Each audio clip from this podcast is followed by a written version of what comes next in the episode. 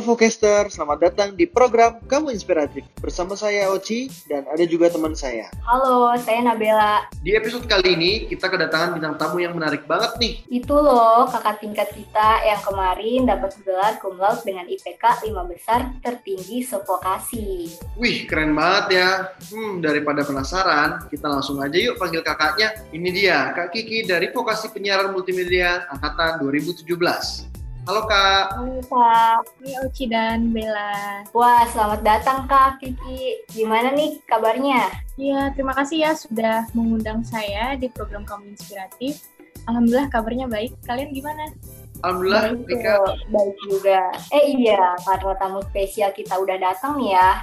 Alangkah baiknya kita langsung aja yuk. Kita mau bahas tentang Nothing is impossible, the word itself say impossible. Wih, apa tuh maksudnya Bel? Itu kayak ngebahas sesuatu yang kita inginkan, apakah mungkin bisa tercapai. Karena kebanyakan semua orang udah minder duluan ketika ingin mencapai sesuatu yang terlalu tinggi. Nah, di sini kita mau memotivasi orang-orang supaya raihlah apa yang mau kamu capai. Oh, I see. Maka dari itu di sini kita mengundang tamu yang sangat menginspiratif, ya kan Bel? Eh, iya nih.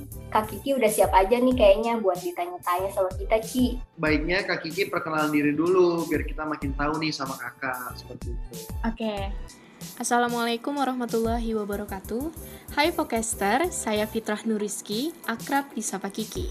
Saya alumni Vokasi UI, Prodi Penyiaran Multimedia tahun 2017. Alhamdulillah, baru di wisuda bulan Oktober 2020 kemarin. Kalau boleh nih kak, kasih tau dong kak, berapa IPK yang diraih kemarin? Biar penonton makin termotivasi aja nih kak. Alhamdulillah kemarin IPK lulusnya dapat 3,88. Wih, Ci dan Bila. Alhamdulillah. Wih, alhamdulillah. Tuh Ci, kamu mau gak dapat IPK setinggi itu? Waduh, jadi tanya lagi Bel, siapa sih nggak mau? Kira-kira apa aja sih Kak kiat-kiat kakak untuk raih IPK setinggi itu? Alhamdulillah, kemarin sempat nggak nyangka sih sebenarnya dapat kesempatan menjadi salah satu wisudawan peraih IPK tertinggi sevokasi. Untuk mendapatkan hasil yang bagus tentu uh, perlu dibarengi dengan step-step dan persiapan yang baik, ya kan? Bener nggak? Bener banget tuh Kak. Hal-hal yang saya lakukan kemarin selama kuliah sih pertama uh, diawali dengan niat dulu. Jadi saya tuh emang dari kuliah udah niat untuk bisa jadi lulusan cum laude saat wisuda. Selanjutnya saya juga memilih untuk uh, tinggal di lingkungan yang nyaman, berteman dengan orang-orang yang memberikan positive vibes, teman-teman yang mau mengajak saya belajar, ngajak bertukar pikiran, diskusi. Lalu saya juga suka uh, bikin goals aku mau ini aku mau itu. Jadi contohnya waktu itu pernah saya kan pengen banget magang di net TV ya. Jadi di dinding itu benar-benar saya tulis net TV net TV net TV dan alhamdulillah beneran kewujud di semester limanya. Wih, alhamdulillah. Dan yang terakhir, saya suka uh, bikin daily schedule di HP. Jadi setiap malam tuh sebelum tidur suka ngelis kira-kira apa aja sih kegiatan yang mau dilakuin besok.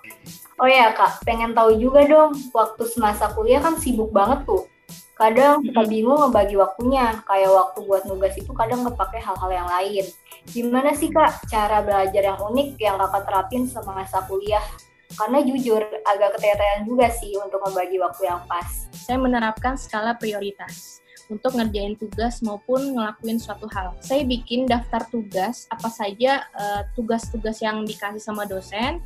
Terus itu saya juga tulis deadline-nya kapan. Jadi dari kita tahu tugasnya apa dan deadline-nya kapan, kita bisa nentuin nih kira-kira apa duluan yang bisa dilakukan.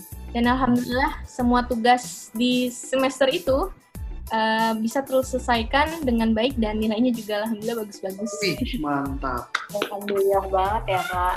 Oh ya Kak, ada nggak sih hal-hal yang bikin menghambat suatu kerjaan Kakak waktu kuliah? Apa ya, hal-hal yang menghambat pas kuliah ya? Iya Kak, pas kuliah mungkin ada dua hal ya Ci ya. Yeah. Yang pertama kemageran di dalam diri dan yang kedua gangguan sosmed. Oke, okay. gadget ya? Iya, jadi saya tuh paling sebel kalau tiba-tiba rasa mager tuh muncul gitu. Tapi ya nggak apa-apa sih sebenarnya. Jadi ya mungkin kalau mager sekali-kali boleh, tapi kalau uh, berkepanjangan, wah itu bahaya. Iya. Iya. Kebablasan.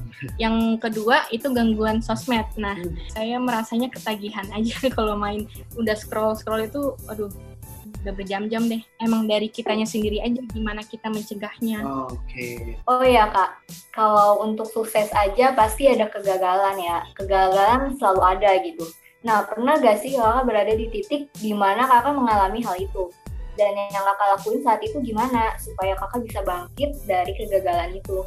Pernah alhamdulillah dikasih pengalaman yang bikin saya lebih kuat dan sabar ya, Bel. Oh Jadi Kak. eh, sebenarnya setelah lulus SMA saya itu berencana untuk eh, lanjut studi di Jerman Oke. dan singkat cerita saya sudah les bahasa sekitar tujuh bulan dan waktu itu ujian sertifikasi bahasa lulus dengan kemampuan bahasa Jerman yang sangat baik atau Hmm. level B2. Terus eh, saya juga alhamdulillah sebenarnya sudah keterima di salah satu universitas di Jerman, tapi saya nggak jadi nggak bisa ke Jerman karena visanya nggak keluar gitu. Jadi kesempatan saya hangus eh, karena nggak bisa hadir saat daftar ulang yang mewajibkan mahasiswanya untuk eh, hadir ke kampus langsung. Saya belajar sih untuk selalu bersyukur terhadap apa pun yang terjadi dan belajar arti ketegaran, kesabaran, dan keikhlasan. Kalau bisa dibilang rezeki itu emang nggak ke mana, tapi usaha itu harus ke mana-mana. Ya. Iya. Oh iya kak, Eh, aku penasaran nih sama kegiatan kakak selama pandemi ini. Boleh kasih nggak sih? Kegiatannya eh, mengajar di kelas praktikum sebagai asisten dosen di vokasi UI dan juga belajar berwirausaha dengan sistem penjualan online. Produknya adalah keripik manis pedas manis. Oh gitu. Jadi kakak jualan keripik dari rumah ya. Untuk produksinya itu gimana kak? Apakah dari pabrik atau sendiri gitu? Ya betul Bel. Jadi eh, jualan keripiknya online dari rumah dan produksinya itu home industry sih. Oh iya kak, Eh, kan kak Kiki bilang jualan, berarti perlu branding dan eh, sebagainya dong. Untuk masalah itu gimana kak kakak mengatasinya? Oke, jadi bisnis online keripik ini sebenarnya seru, Ci dan Bella. Oke. Karena eh, saya jadi kembangin kemampuan untuk desain kecil-kecilan juga, untuk bikin logo keripik, bikin e-poster yang untuk eh, kita promosiin di sosmed. Dari jualan keripik itu, apa sih pelajaran yang paling berharga yang kakak dapet? Dari jualan keripik selama pandemi, yaitu jangan pernah takut dan ragu untuk memulai sesuatu, dan lakukanlah semuanya secara bertahap. Kamu juga nggak harus jadi orang besar dan punya segala hal dulu untuk bisa berhasil, karena banyak orang sukses yang justru lahir dari hal-hal kecil untuk bisa menjadi besar. Jadi jangan pernah merasa berkecil hati tentang apa pun yang kita jual.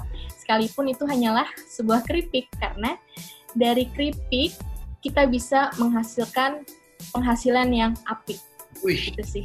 mantap. Untuk terakhir nih kak, kasih motivasi dong untuk kita semua supaya kita bisa terus mencapai tujuan apa yang kita mau. Oke, jadi pesan dari saya singkat aja satu kalimat buat kalian semua, adik-adik dan teman-teman. Lakukan yang terbaik di setiap kesempatan yang kalian punya. Oke, baik kak, terima kasih banyak. Eh, eh, gak terasa aja nih waktu berjalan begitu cepat. Mungkin kita sudahi dulu kali ya. Semoga penonton TV Vokasi tetap termotivasi ya. Amin. Terima kasih ya Oci dan Bella. Ajeng terima kasih sudah mengundang saya di Kamu Inspiratif. Semoga bisa menginspirasi dan memotivasi kalian semua. Amin, amin kak. Dari Kak Kiki, kita belajar nothing is impossible. The word itself say I'm possible. Untuk kalian tetap semangat dan jangan minder lagi untuk meraih mimpi apa yang kita mau. Mau ngingetin lagi, untuk Vokester jangan lupa follow sosial media Vokes Radio di @vokesradio.ui. Dan jangan lupa terus dengerin podcast kamu inspiratif lainnya hanya di Spotify. See you Vokester!